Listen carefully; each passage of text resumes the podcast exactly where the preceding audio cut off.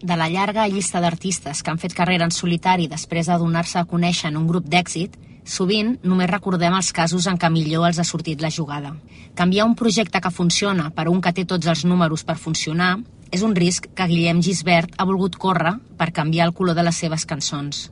El seu rol a Manel, de cantant, lletrista i compositor principal, era l'imprescindible, i els fans dels millors professors europeus trobaran a Balla la Masurca narratives i personatges que els recordaran les que Gisbert ha cantat per disfressar el seu jo durant els últims 15 anys.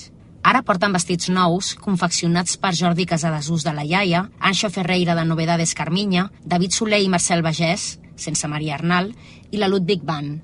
Però al contrari que l'emperador, Guillem Gisbert no surt al carrer despullat. El vestit nou d'arranjaments orquestrals li va a mida, la disfressa de solista com un guant.